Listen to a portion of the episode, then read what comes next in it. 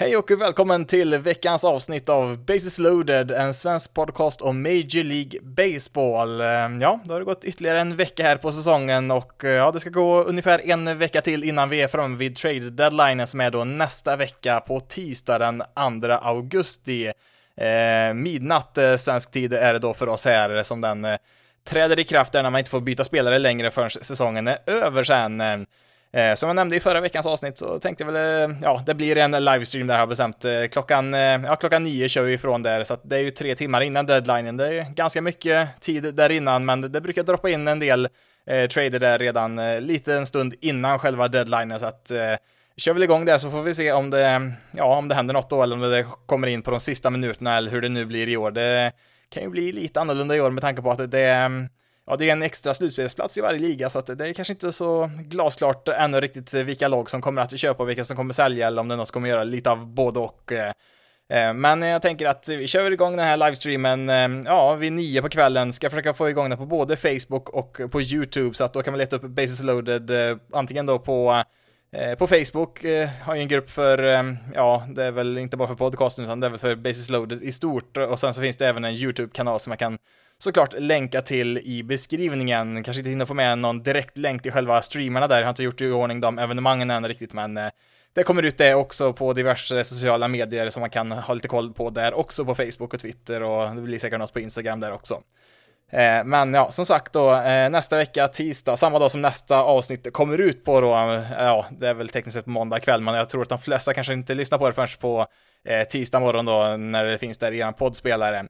Eh, men ja, som sagt då, eh, tisdag 2 augusti klockan 21.00 där på kvällen kör vi fram till midnatt. Ja, det brukar väl bli lite efteråt där också så att eh, ja, får se vad vi kan hitta på där så att kom gärna förbi och kika in och se vad som händer där. Det finns ju livechatt så som man kan chatta med andra tittare och såklart med mig också. Ska jag ska försöka svara på så mycket jag kan där. Eh, så får vi se då hur eh, själva deadlinen utvecklar sig där eh, de sista timmarna. Är det så att många trader sker tidigare där innan streamen drar igång så får vi helt enkelt analysera lite grann de trader som har skett där, men det brukar alltid vara ett gäng som sker där den sista stunden också, så att någonting kommer att dyka upp där, lite breaking news. Får vi nästan hoppas på att Soto inte tradas innan eh, sista dagen där, att han finns kvar där och kanske går sista minuterna där innan midnatt. Det hade varit eh, lite kul att få med det där i direktsändning, men ja, vi får, vi får se helt enkelt hur det blir, men eh, eh som sagt då, 21.00 eh, tisdag nästa vecka den 2 augusti så kör vi där så får vi helt enkelt hoppas på att det blir mycket action där de timmarna där innan deadlinen är ett faktum. Kan väl även då passa på att tipsa om veckans händelser, eller ja, mer specifikt en händelse i alla fall på onsdag här den 27 Eh, då har vi veckans match, eh, redan 18.30, en tidig match där. Braves-Phillies, eh, riktigt bra National League East-möte där. och som vanligt då är man alltid jättevälkommen in i Discord-appen, alltså en app som finns antingen på mobilen eller på dator om man så önskar.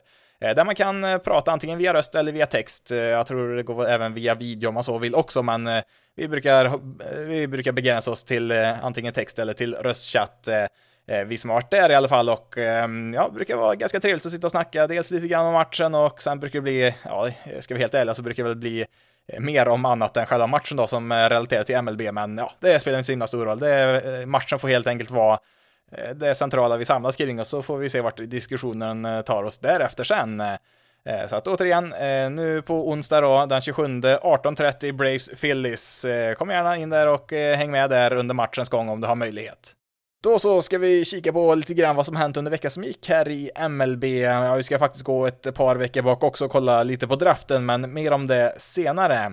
Eh, som sagt då, eh, lite drygt en vecka kvar till deadlinen, men eh, Pirates och Mets, eh, de passade på här och eh, gjorde en eh, trade lite tidigare här. Eh, Daniel Vogelback gick från Pirates eh, eh, till Mets och Colin Holderman går då åt motsatt håll i den här bytesaffären. Eh, MLB Trade Rumors, som jag för övrigt kan eh, rekommendera den sidan, de har extremt bra koll på vart spelare tar vägen, vare sig det är trader eller spelare som skickas upp och ner från AAA och allt vad det nu är. Eh, de har stenkoll på allt det där, så att det är en bra sida att ha koll på. Framförallt nu i deadline-tiderna här, då, då händer det en hel del, då finns en del rykten som de också samlar in där, men Ja, de beskrev det som att Pirates och Mets swaps a pair of big leaguers. Ja, big är ju ett bra ord att beskriva båda de här två herrarna på. Eh, Vogelback, eh, ja han är inte sådär jättejättelång, eh, Men han har ju 122 kilo utspritt på sina 183 centimeter. Det är en stor herre det här. Holderman, ja han är desto längre, 201 lång, 108 kilo, så att det är ett par riktigt stora gossar det här vi pratar om.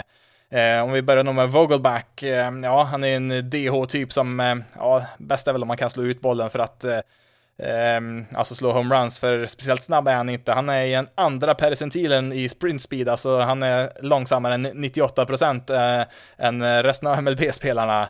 Eh, alltså, kollar vi på spelarna som är långsammare än Vogelback i år, då hittar vi liksom, ja, eh, Cabrera, Pujols, ja, resten är catchers, eh, 30 plus catchers, eh, ja, ganska många plus bakom 30 på de catchers som är långsammare där, så att det går inte snabbt när Vogelback ger sig ut på baserna, men han har ju sina goda sidor också såklart, annars hade ju inte Mats tradeat till sig honom. Eh, framförallt var jag imponerad av hans eh, walk-procent, alltså där har vi en omvänd historia när vi pratar om percentiler. Han ligger nämligen i den 97 percentilen där, alltså det går ju från 0 till 100 då.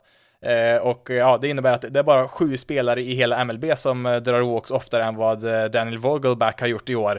14,5% ligger han på, det är en riktigt bra siffra. Eh, visst, nu är inte alla eh, sju spelare framför honom där superstjärnor, eh, så att det är inte så att man är bland de absolut bästa i ligan bara för att man drar mycket walks, men eh, det, är, det är positivt är det ju såklart. Sen så, ja, ettan på listan överlägset är ju Juan Soto på 20%, men eh, ja, det har väl eh, Ja, det handlar ju helt enkelt om att Soto är väl det enda stora hotet i Nationals lineup just nu, så att eh, eh, det är väl dumt att kasta bollar i strikezonen till honom när man kan kasta till de andra istället, så han kan väl få dra sin walk där och så kan vi kasta till de andra istället och få outs på det sättet. Så att eh, ja, nu drar han ju mycket walks även när han är i en bra lineup såklart, men eh, det har blivit lite extra många just i år då med tanke på hur lite skydd han har i, i deras lineup där. Det, det var ju skillnad när han hade Trey Turner och eh, Rendon runt omkring sig, då, ja, då var det inte så mycket att välja på eh, för motståndarnas pitchers. Men ja, nog om eh, Soto och tillbaka till Vogelback. Eh, eh en, eh, ja, förutom walks då, så är det väl kanske mest eh, hans styrka man är ute efter. Han eh, ja, han slår ju bollen eh, riktigt hårt. Kanske inte som Stanton och Judge eh, riktigt på den nivån, men eh, hårt slår han bollen i alla fall.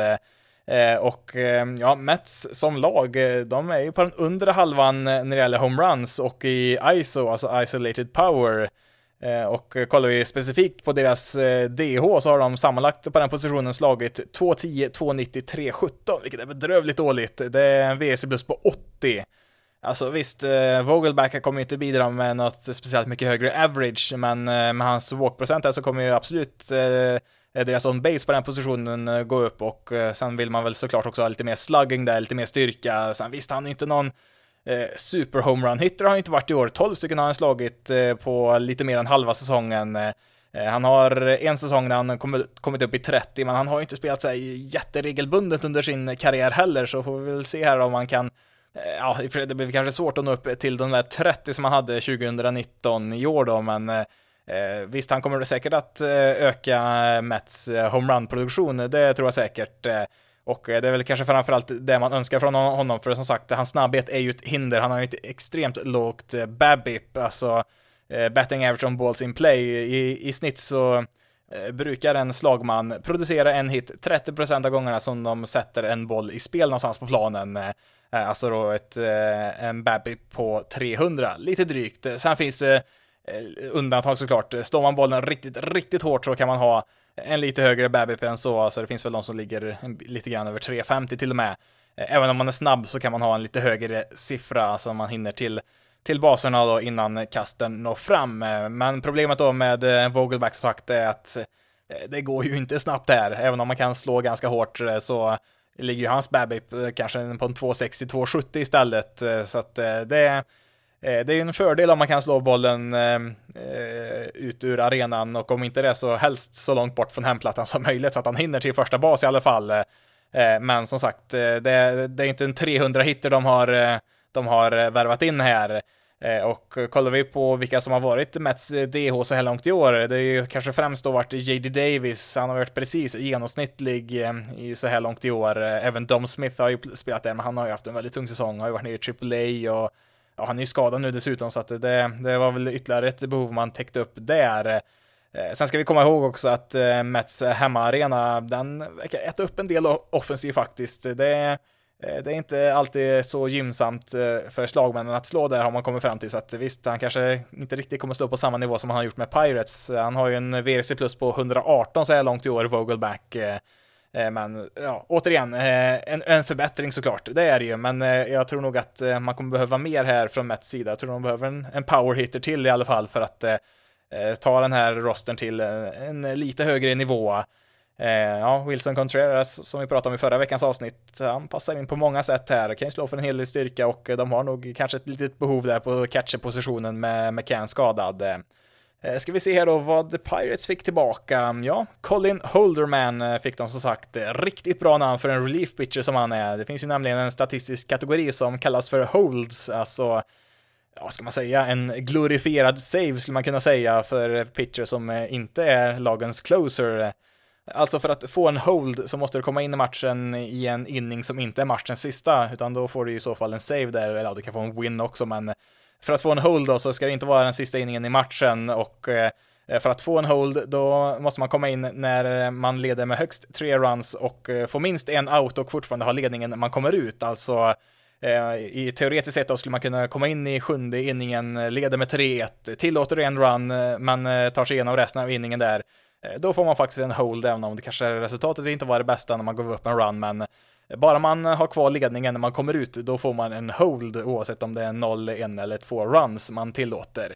Men nog om det. Tillbaka till Colin Holderman, eh, draftad då 2016 och lite av en late bloomer här för det dröjde då ända tills i år innan han gjorde sin debut som 26-åring. Eh, hände väl någonting där kring 2019 eh, då han eh, ökade sin hastighet rejält där mellan 2019 till 2021. Alltså i 2019 kastade han runt 90-92 miles per hour och förra året då kastade han någonstans mellan 94 96 och kan komma upp, ja, kan toppa upp runt 98 nu till och med.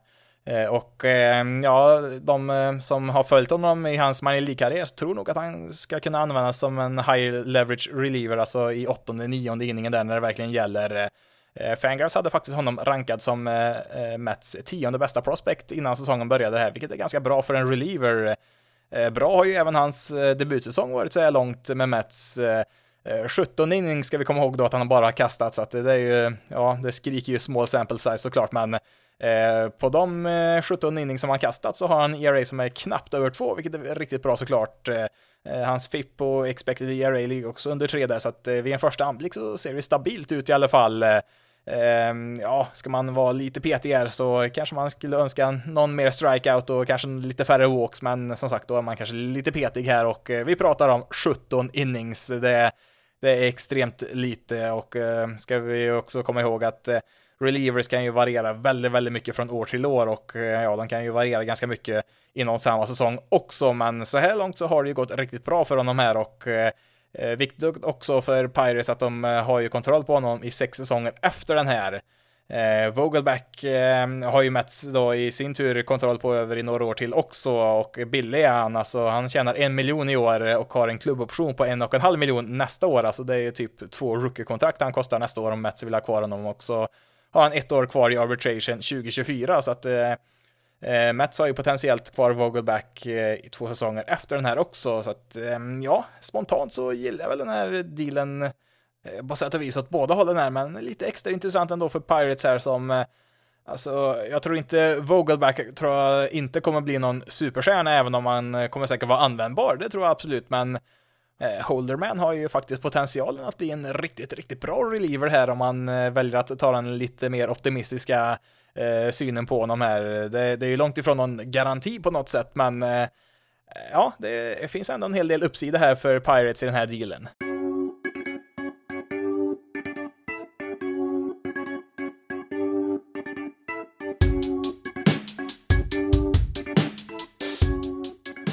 Holderman och eh, Vogelback i all ära, men traden vi alla sitter och väntar på just nu är ju Juan Soto. Kommer han att tradas innan deadlinen eller inte?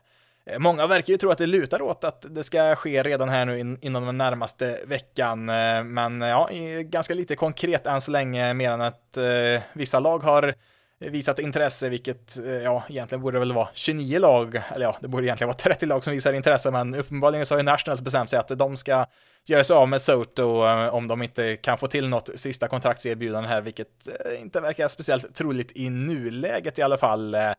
Eh, Sotos eventuella trade är ju den klart största ja, nyheten på hela säsongen. Eh, det, jag tror inte det finns någon som matchar det här riktigt. Eh, samtidigt så är ju kanske säsongens trattigaste nyhet, eller skvaller, vad man nu ska kalla det, också relaterat till Juan Soto. Det var ju en riktig skandal här i veckan när hans agent Scott Boras gick ut med att Nationals inte gick med på att chartra ett privatplan till Soto när han skulle till All-Star-matchen. Oj, oj, oj, vilken tragedi! Soto fick nöja sig med en första klassbiljett till Los Angeles istället. Eh, vet du vad, Scott Boras, vet du vem som hade kunnat betala för det där privatjetet om det var så himla viktigt?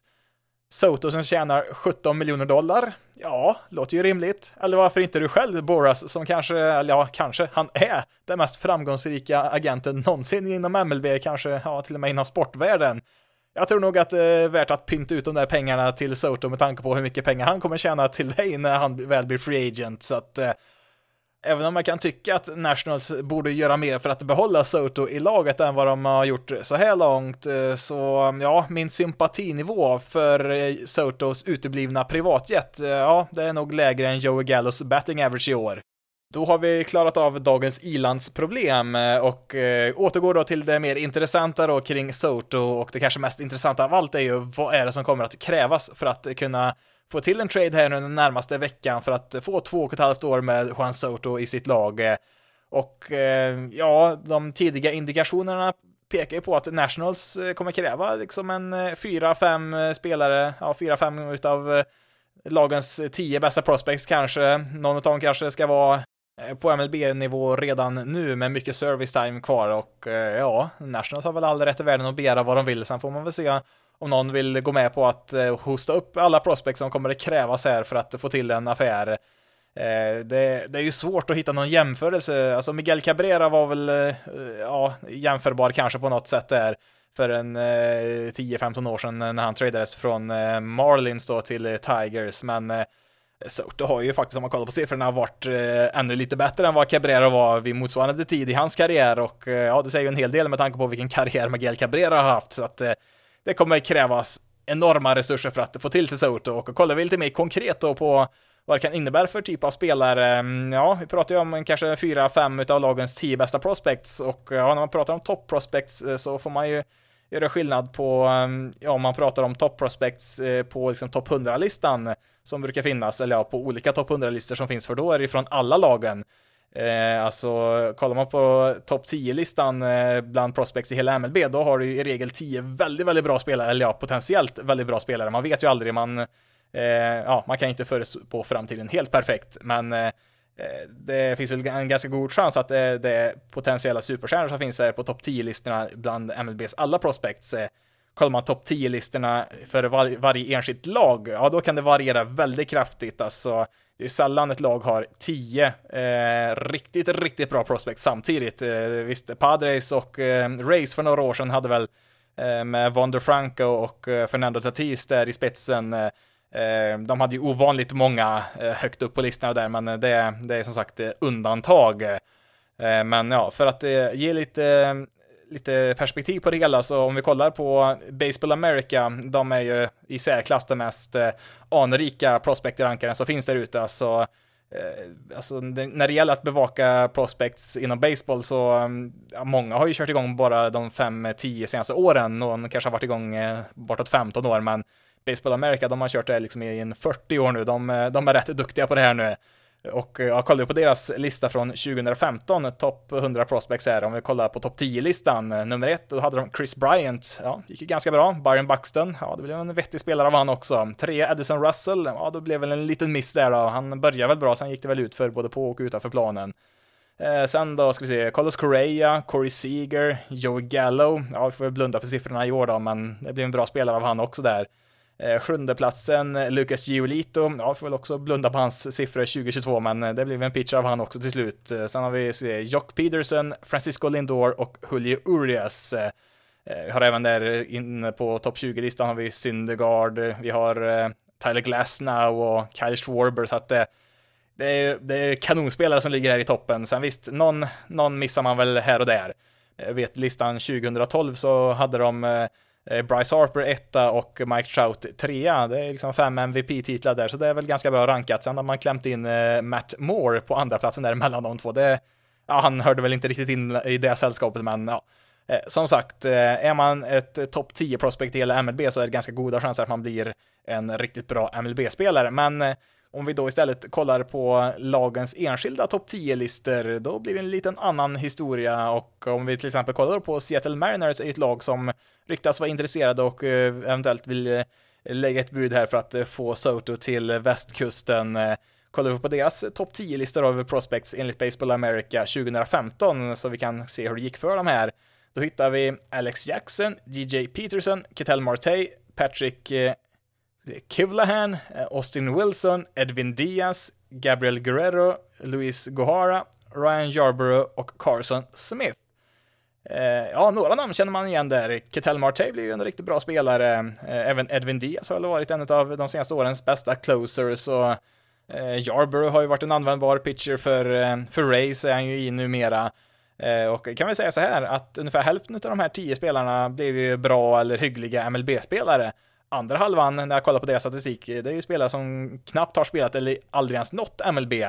Alltså om jag satt på övernaturliga krafter och kunde förutspå framtiden och eh, exakt säga hur alla de här tio spelarnas karriärer skulle, skulle se ut i slutändan så skulle jag säga ja, ta allihopa om jag får Soto. Alltså, även om det var några bra spelare i den här högen så eh, får man en spelare som Soto i två och ett halvt år, ja men ta alla de här. Du får, du får några bra spelare, du får några nitlotter, men eh, bara jag får Soto så kan du ta, ta dem allihop. Ta, eh, ta de fem nästa också på, på listan om du vill. Det, det gör inte mig något, bara jag får Soto det är ju såklart lätt för mig att säga här nu när jag vet exakt hur deras karriärer har sett ut de senaste sju åren då, men Soto är ju den här typen av spelare som man ger bort allt för att få, ja, inom någon gräns såklart då, men alltså en spelare som Soto blir i princip aldrig tillgänglig på trademarknaden med så här mycket kontroll kvar. Alltså visst, de blir ju tillgängliga som free agents eh, då och då, det händer ju, men två och ett halvt år med Juan Soto, ja det händer ju nästan aldrig. Ja, det är ju Miguel Cabrera där möjligtvis som det går att jämföra med, men ja, jag säger det till den som vill krama sina prospects, eh,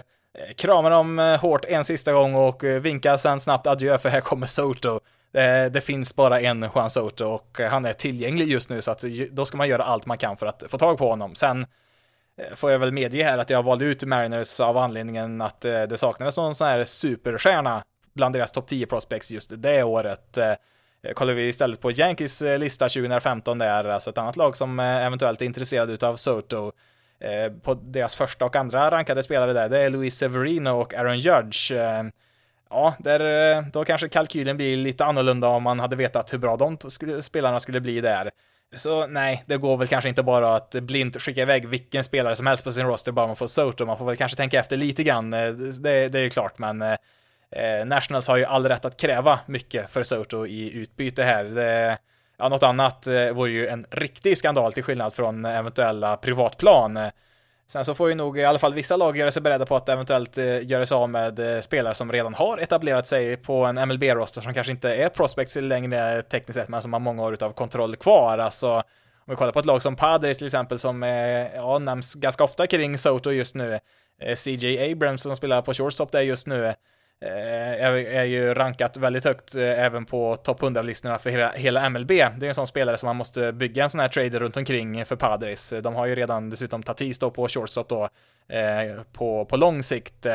Så måste man kanske lägga in Mackenzie Gore, en pitcher som har, ja, han har väl haft lite tufft de senaste matcherna här nu med Padres, men var ju riktigt bra här i början av säsongen. Det är också liksom en spelare som man, man kanske måste offra här då från Padres del om de ska få Soto och ja, de har ju haft bra pitching och eh, har ju tagit is på shortstop där redan så att eh, det kanske är ett, eh, någonting man är villig att offra för att få in Soto. Man behöver ju, dels behöver man en outfielder och ja, är den utav Sotos kaliber så ja, men då är det väl bara att eh, skicka iväg den där och eh, önska dem lycka till. Eh, Cardinals är ett annat lag som eh, har, har nämnts eh, lite grann i skymundan så här att de kanske också Eh, vill göra ett försök att få in Soto och eh, ja, då kanske Nolan Gorman ryker där från deras infield, har ju haft en eh, bra debut så här långt. Librator, pitchen där, som har gjort några starter, kanske också sitter löst då om man ska kunna bygga ett paket för att få Soto. Mm, Dodgers, ja, de eh, brukar ju aldrig vara blyga för att göra en stor bytesaffär. Bara kolla på Scherzer och Trey Turner trade förra året där.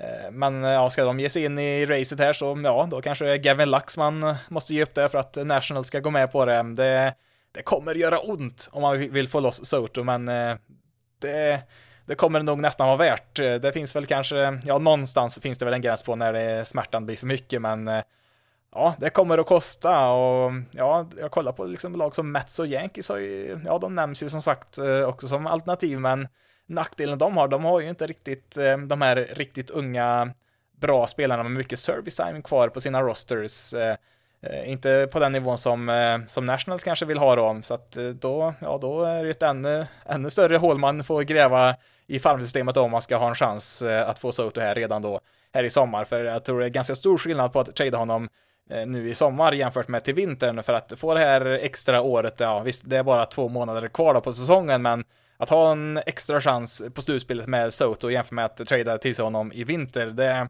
ja, det är någonting är det värt i alla fall så att eh, ja, det blir intressant att följa här den närmaste veckan och eh, hoppas verkligen att den här eh, traden blir av här nu i sommar, eller ja, egentligen skulle jag väl helst kanske se han stanna kvar i Nationals då, men om man nu måste verkligen trada så ja, då hoppas att det blir här nu vid deadlinen här och förhoppningsvis då sista dagen där, sista minuterna, extra dramatik där. Det hade ju, ja, det blir väl en bra story om inte annat i alla fall, även om Nationals-fansen blir besvikna.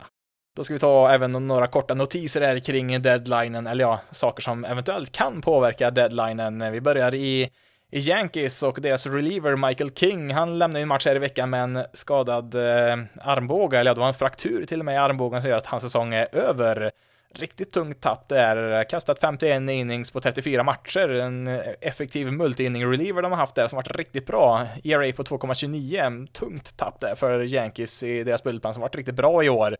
Eh, och då har man ju redan tappat Chad Green som även han var bra i början av året här till en Tommy John-operation här för ett tag sedan och lägg där till att eh, Chapman eh, har ju imploderat i år, har ju inte sett bra ut när han har kastat så att det ser väl kanske ut som att eh, Yankees eh, behöver nog agera här kring deras bullpen här innan deadlinen och göra någonting i alla fall skulle jag tro. Eh, går vi längre ner eh, på östkusten till Miami så har ju, ja de har ju riktigt tufft offensivt just nu och det blir ju inte bättre när Jess Chisholm, kanske deras bästa spelare, har ju fått en stressfraktur i ryggen här. Eh, samtidigt som även John Bertie har varit riktigt bra för dem där, även han är skadad just nu så att Eh, Eh, ja, det, det, blir nog tufft här. De eh, la ju redan några matcher bakom eh, slutspelsplatsen där, var, var väl lite av en joker här, eh, hade väl en minimal chans kanske att eh, ta sig till slutspelet, men eh, frågan är om, eh, om de klarar det med eh, Chisholm borta här nu en, en period. Eh, har ju sett som sagt att Marlins offensiv har totalt eh, stannat av här nu den senaste tiden. Med andra ord så blir det väl mer och mer troligt att de kommer att sälja av spelare här vid deadlinen. Eh, sen så noterar jag bara här Carlos Rodon i Giants. Han kom upp i 110 innings här nu under veckan, eh, vilket innebär att han har en spelaroption på sitt kontrakt, alltså han har rätt att bryta sitt tvåårskontrakt som han skrev här innan säsongen. Eh, och ehm, ja, visst, nu är väl divisionen körd för Giants, de ligger 16 matcher bakom Dodgers, det tar de inte ikapp, men de är ju bara två matcher från en wildcard-match. har sett några viskat om att, ja, skulle de kunna sälja av Giants här? ja, de måste vara en total kollaps här eh, om de skulle förlora varenda match fram till deadlinen. Visst, då kanske finns en liten eh, chans där och eh, ja, då skulle ju Rodone vara en intressant pusselbit där att skicka iväg till något annat lag som har bättre utsikter för den här säsongen eftersom, han, eftersom att han med största sannolikhet kommer att bryta kontraktet här nu till ja, till säsongen är över med tanke på hur bra han har kastat. Han, han har en lön på 22 miljoner nästa år och ja, han kan nog få betydligt mer pengar än så om han är free agent här nu i vinter. Eh, såg för övrigt att Trevor Rosenthal fick ett eh, kontrakt med Giants här när vi ändå pratar om de här. Det är väl knappast ett, ett tecken på att Giants är all in här under andra halvan av säsongen, men ja, noterbart i alla fall. Får vi se om han kan hänga kvar här resten av säsongen och åstadkomma något här sent på karriären. Eh, till sist då har vi Steven Mats, eh, kommit tillbaka från en skada här och i första matchen här för sitt Cardinals så skulle han ju springa efter någon boll där och eh, hämta upp den där, men halka till och vred till knät. Eh, eh och eh, ja, domen blev ett eh, ledband där i knät eh, gick av. Ja, inte korsbandet då som tur är, en ACL var det inte, utan det var en MCL eh, som det brast där och det är fyra till sex veckor minst som han blir borta och ja, det kan bli ännu mer om det krävs operation, det vet jag väl inte riktigt än. Så att, ehm, ja, Mats var väl en av eh, livlinorna som Cardinals skulle ha här under andra halvan av säsongen, som tyvärr försvinner här då. Eh, I alla fall för, en, eh, för ett tag, men ja, även om Mats hade varit friska för Cardinals så behöver de en förstärkning till deras rotation, kanske två till och med nu när Mats blir borta ett tag. Såg ju annars en free agent pitcher som är tillgänglig. Ja, bra tänker väl Cardinals då. Cy vinnare är han också. Ännu bättre. Dallas Keuchel heter han. Uh, ja, tack men nej tack. Eh, Diamondbacks släppte honom här efter sin fjärde start med de här. Eh, hade ju en ERA med 9,5 på de fyra starterna. Han var ju inte mycket bättre för White Sox. Han hade en ERA på 7,8 på åtta starter innan de släppte honom där undrade ju redan där tidigare i år när han fick gå från White Sox om han, eh, om han nog kanske var slut nu och eh, ja, var han inte det efter hans eh, session i White Sox så lär han väl ha varit nu efter eh, de här fyra bedrövliga matcherna med Diamondbacks. Eh, svårt att se att han har något kvar att ge. Visst, 34 är ju inte eh, det är inte någon, han är inte antik på något sätt. Verlander är väl 39 och kastar ju bättre än någonsin. Sen visst, nu är ju väldigt få pitchers som är just Justin Verlander, men ja, eh, visst, det kanske finns något lag som behöver äta upp lite innings och ge honom en chans till här i år, men annars så, ja, kanske något minor League-kontrakt till spring training eh, till våren, men eh, det ser väl inte speciellt bra ut för hans eventuellt fortsatta MLB-karriär. Den är väl inte över till 100%, men eh, oddsen är ju inte på Keichels sida just nu.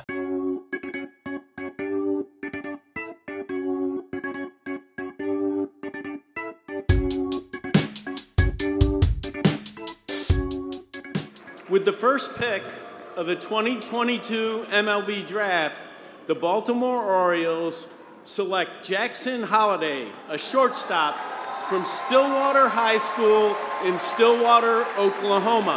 Det har gått två veckor nu sedan MLB-draften var igång här. Han är ju tyvärr inte att prata om det i förra veckans avsnitt, men då tar vi det nu istället och jag tänkte jag skulle presentera de tre första valen i draften i alla fall. Jag kommer inte gå igenom hela första rundan eller något sånt där, då får vi sitta här väldigt länge, men tänkte i alla fall de tre första är lite namn att ha lite koll på inför framtiden. Eh, det är väl spelare som inte kommer att dyka upp i MLB den närmaste tiden, eller ja, den tredje där kanske, kanske kommer upp eh, snabbare än vad man kan tro, men eh, de två första är high school-spelare, det kommer nog att dröja lite längre för dem.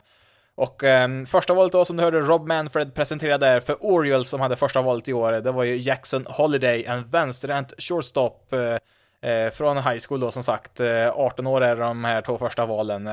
Eh, och ehm, ja, det var ju först nu i vår som han eh, stormade upp högt på de här topplistorna över eh, bästa spelare i draften och det var väl inte så att det fanns någon klockren etta som du gör vissa år, utan det fanns väl en kanske fem, sex namn som de flesta var överens om att ja, men någon av de här borde det bli. Exakt vem, det vet vi inte, men någon av de här borde det bli och Orioles valde då som sagt Holiday och nu var han väl ett bra prospect eh, eh även eh, innan eh, eh 2022 där när han spelade riktigt bra. Eh, men han var väl kanske inte för ett år sedan i diskussionerna kring första valet för årets draft. Eh, framförallt så ska han väl ha byggt på sig en hel del muskler inför årets säsong och eh, Eh, i alla fall då för, eh, för positionen han spelar då, så shortstops är väl kanske inte de mest muskulösa spelarna på planen eh, traditionellt sett, men har ju ökat på där ganska bra tydligen. Sen är det inte bara styrka som, som han slår för, utan han har ju faktiskt rekord för antal hits under en high school-säsong, slog han ju här i år. Det var faktiskt JT Realmute som hade det rekordet tidigare. Och ja, alltså Holiday är, vi, är ju bra, eller riktigt bra på det mesta. Relativt starkt då, som sagt för en shortstop och har ju snabbheten. Tror skulle kunna stanna på positionen långsiktigt. Eh, eh, han är väl, ja, jag skulle väl gissa på att Orioles, eh, som har gått bättre än väntat i år, de kommer ju redan ha ett bra lag när han är redo för MLB, så att förhoppningsvis är det väl bara för han att hoppa in i, i ett slutspelsjagande Orioles när han väl är redo. Och mm, ja, en vänsterhänt shortstop, ja det är inte jättevanligt med, med den kvaliteten som man väntas uppnå, så att det finns mycket saker som Eh, talar för Holidays framtida karriär. Eh, finns väl en del likheter mellan honom och Royals eh, Bobby Witt Jr, också en five-tool player. Och ja, det finns ju redan ett par andra shortstop prospect i Orioles farmsystem, bland annat Gunnar Henderson som jag nämnde, för något avsnitt sen. Men som Michael Elias, deras GM där, sa ju om sin tid i Astros att de draftade ju Alex Bregman, ja de var väl tvåa i draften det året han draftades, samma år som Correa gjorde sin debut där i Astros, men eh, det löste de med att eh, ja, Bregman fick helt enkelt bli en tredje basman och eh, det gick ju onekligen ganska bra så att är det något problem man vill ha så är det väl för många bra spelare på samma position så att det det löser man väl på ett eller annat sätt. Eh, annars så har ju ett, eh, ett, tema i den här draften har ju varit, i alla fall här i första rundan, att det var mycket välbekanta namn. Alltså, Eh, det är många söner till före detta MLB-spelare och eh, ja, Jackson Holiday är ju son till Matt Holiday som hade 15 framgångsrika år här i MLB. Spelade ju faktiskt så sent som 2018, eh, vann ju en World Series-titel 2011 med Cardinals och vann även en batting title 2007 med Rockies när de gick till en World Series där fick de väl stryk om det var mot, var det då Red Sox vann där tror jag. Han slog 340 det året i alla fall, best average i MLB och eh, var ju faktiskt tvåa i MVP-omröstningen samma år där bakom eh, Jimmy Rollins där, väldigt eh, jämn omröstning där. Och ja, tydligen så finns det fler yngre lovande söner på gång där i Holiday-familjen så att det är möjligt att vi har många Holidays här i MLB om, om ett antal år. With the second pick in the 2022 MLB draft, the Arizona Diamondbacks select Drew Jones, an outfielder from Wesleyan High School in Norcross, Georgia. Andra valet i draften, det blev Drew Jones som valdes utav Arizona, högerhänt centerfielder, också han en high school-spelare. Faktiskt bara en vecka som skiljer eh, Jones och Holiday åt eh, när det gäller deras födelsedagar. Båda är födda vintern 2003 för den som vill känna sig lite gammal. Eh, Fangraphs prospect-skribent Eric Longenhagen skrev så här om Drew Jones innan draften. Eh, the foundation of present skills and tools combined with Jones' physical projection make him head and shoulders the best prospect in the 2022 draft and a potential franchise-altering superstar. Ja, det är väl ett ganska gott betyg ändå. Eh, klart bästa spelaren i draften då enligt eh, Eric Longenhagen. Det är såklart en subjektiv bedömning av honom, men han kan ju det här betydligt bättre än vad jag kan, så att någonting är det väl kanske värt ändå. Sen är det ju det är en lång väg till MLB så att det, det finns inga garantier. Det är bara att fråga eh, Matt Moore, en gång eh, rankad högre än Mike Trout i en prospect-ranking. Eh, men tillbaka då till eh, Drew Jones. Eh, han har väl, ja, likt Holiday växt till sig lite mer, byggt på mer muskler och han har väl testat på även att spela som shortstop och skulle säkert klara av det, men han är väl eh, exceptionell på allting som har med att göra i centerfield och eh, det är väl kanske inte helt knepigt för han har väl lärt sig ett och annat av eh, pappa Andrew Jones som vann 10 Gold Gloves som outfielder. När det brukar dyka upp highlights på, på Andrew så ja, det är ofta att han är uppe i väggen där och rånar någon homerun.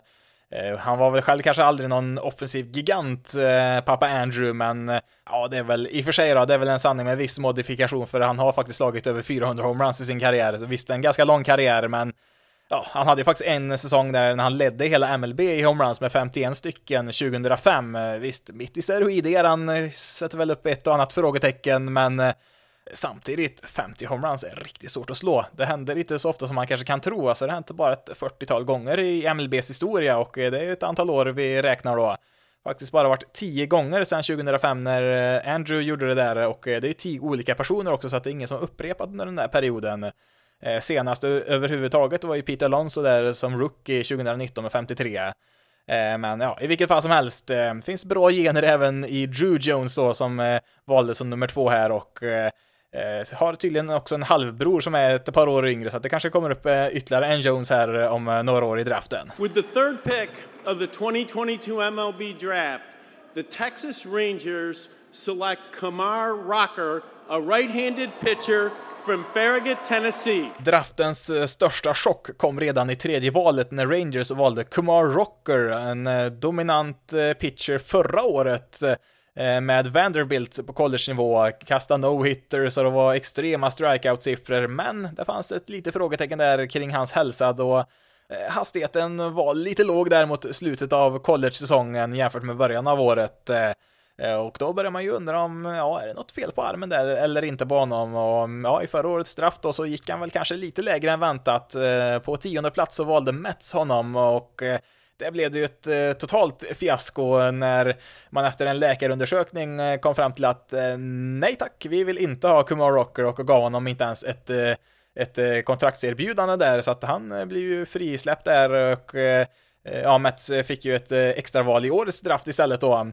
Eh, så att eh, Rocker, ja, han kunde ju faktiskt ha gått tillbaka till college och kasta igen i år då, men han valde att eh, kasta i en Independent League med Tri-City Valley Cats, eh, spela några matcher där och såg ju bra ut i de, de innings han kastade där. Och nu då, när hans värde egentligen är lägre än vad det var förra året, så går han på tredjeplatsen. Alltså en del trodde väl kanske att han, eh, ja, eftersom han såg ganska bra ut här under våren, eh, så tänkte man att ja, kanske slutet på första rundan, början på andra, där kanske han skulle kunna gå, men han går alltså som nummer tre högre än vad han gjorde i förra årets draft. Eh, det, ja, det var en riktig knall där, men det har ju sin eh, förklaring också. Visst, han är en stor talang, det är han absolut, men är han tredje bästa spelaren i, i den här draften? Nej, tveksamt. Eh, men det är ju så här att varje draftposition har ett slottvärde som det kallas, alltså en ekonomisk siffra som är baserad på, på alla Eh, draftval helt enkelt. Alltså första valet är värt mest pengar, brukar vara så här 8 miljoner dollar någonstans. Eh, andra valet är kanske värt 7 miljoner och så går det ner lite grann för varje val. Så det innebär att de som har höga val, de får ju mer pengar att spendera. Och eh, det här gäller ju alla val ända ner till om det är runda 20 man håller på till nu för tiden. Så att då tar man ju alla sina 20 val och så lägger man ihop det ekonomiska värdet på alla sina val och så då har man ju då sin draft pool, alltså hur mycket pengar man får spendera på sina, Eh, på sina draftval, hur mycket bonus man får igenom för att de ska skriva på. Och eh, ja, den här summan varierar ju ganska kraftigt från lag till lag. Och eh, saken med Rangers det är ju att eftersom att de skrev free agent-kontrakt med Marcus Semien och Corey Seager då har de tappat sitt andra och tredje val i den här draften, alltså Semien och Seager fick ju qualifying offers i höstas då när de blev free agents. Och det innebär att eh, när de skrev kontrakt med ett nytt lag så Eh, så får det här laget de skriver på med ge sina draftval till lagen de kom ifrån. Alltså Semien kom ifrån Blue Jays senast och Seager från Dodgers. Så att Rangers eh, andra och tredje val gick ju då till Dodgers och Blue Jays istället. Så att det då innebär ju också att eh, Rangers tappar de eh, pengarna som man får spendera på enligt slottvärde då på på de valen, så att de hade ju en betydligt lägre budget då inledningsvis här i, i draften och eh, då gör man ju som eh, Eh, som en del lag gör ibland så kanske de tar en lite sämre spelare, eller ja, en spelare som förväntar sig en lägre bonus eh, högre upp än vad man förväntar sig att gå för att kunna ge eh, Rocker i det här fallet då lite, lite mindre pengar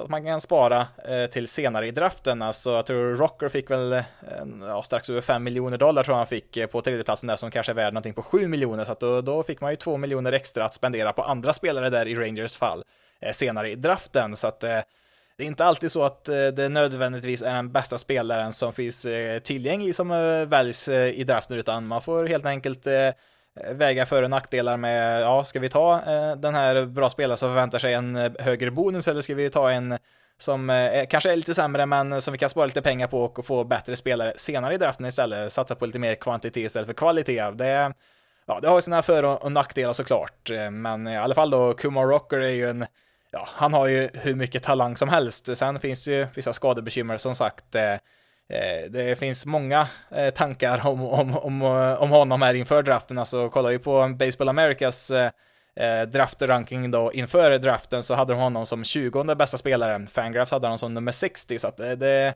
väldigt spridda skurar i vad de, vad de tycker om, om Rocker så att det var en det var en riktig överraskning här och så blir han ju eh, lagkompis igen med Jack Leiter som även han var från Vanderbilt. De två dominerar ju Eh, college-basebollen eh, där ett tag när de spelade tillsammans där och vann väl en College World Series tillsammans. Så att nu, nu är de lagkamrater där igen i Rangers. Eh, jag tror väl Lighter gick väl som nummer två i förra årets draft då till Rangers. Eh, Eh, nu har väl i och för sig Lighter haft det lite tufft eh, i sin Mining League-karriär så här långt. Det är väl uppe i Double A nu och haft det lite, lite tufft, eh, men så är det väl också ibland när man utvecklas. Rocker är väl ganska avancerad själv så att han borde väl kunna komma ikapp Lighter hyfsat snabbt där. Det är väl också en fråga om hälsan där, om den, ja, är det så att han kanske inte håller i all evighet Rocker så kanske det finns en idé att eh, försöka skynda honom genom deras farmsystem så snabbt som möjligt så att han får kasta de eh, kasten han har kvar i armen eh, på så hög nivå som möjligt och hjälpa Rangers medan han fortfarande kan. Man kan väl säga så här att Rocker har väl ett högre tak än vad Lighter har, sen är väl Lighter kanske det det mer säkra kortet med ett högre golv istället. Alltså, Rocker kanske, ja, han kan väl egentligen bli hur bra som helst om man ska se till vad han har presterat på planen så här långt. Men Eh, det finns som sagt den här oron att han kanske inte håller i all evighet heller.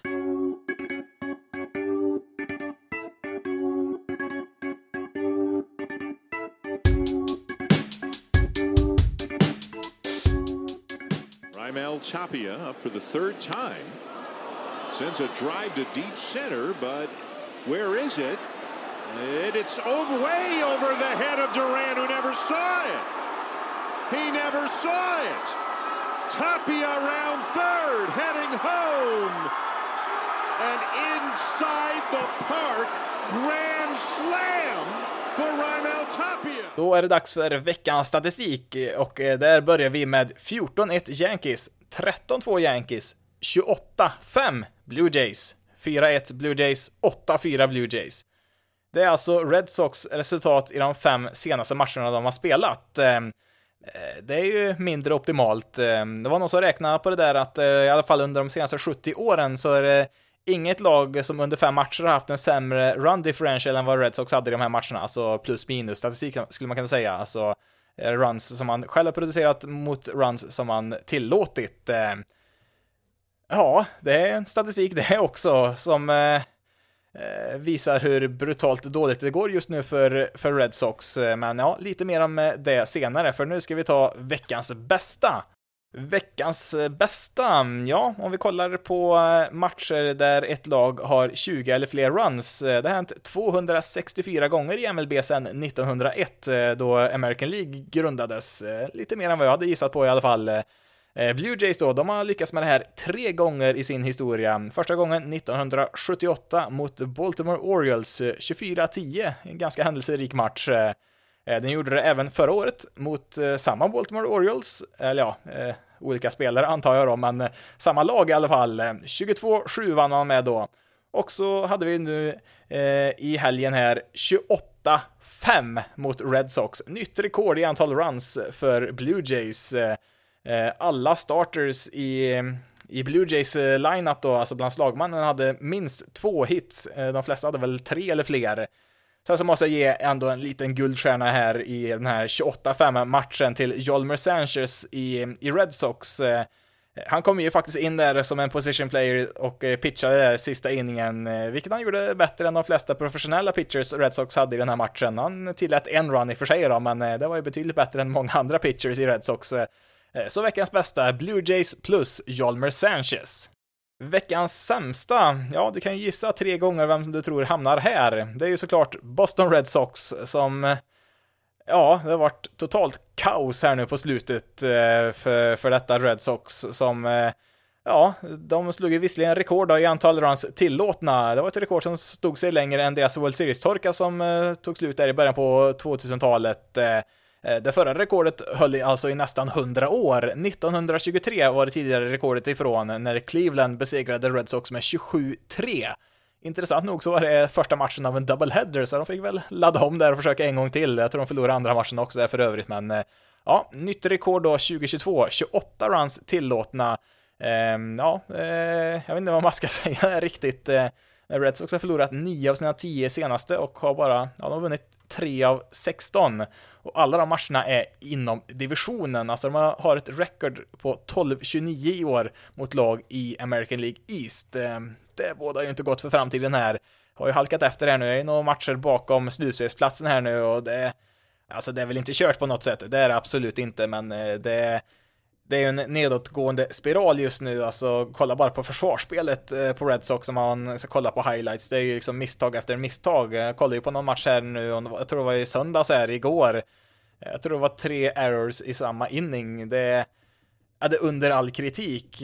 Och så, och så även i ljudklippet som du hörde där i början på veckans statistik. Eh, Ryan Tapia slår en inside the park grand slam, alltså han slår en boll över huvudet på centerfielden. Det var Duran som stod där ute, tappade bort bollen och så landade den långt, långt bakom honom som han inte ens var speciellt sugen på att springa och hämta. Det fick Verdugo tror jag var som fick löpa dit från left field och hämta den där bollen så att Tapia, han är ju hela vägen runt där samtidigt som att de hade bases loaded så att hela gänget kom runt där så att en inside the park grand slam, det ser man ju inte varje dag direkt.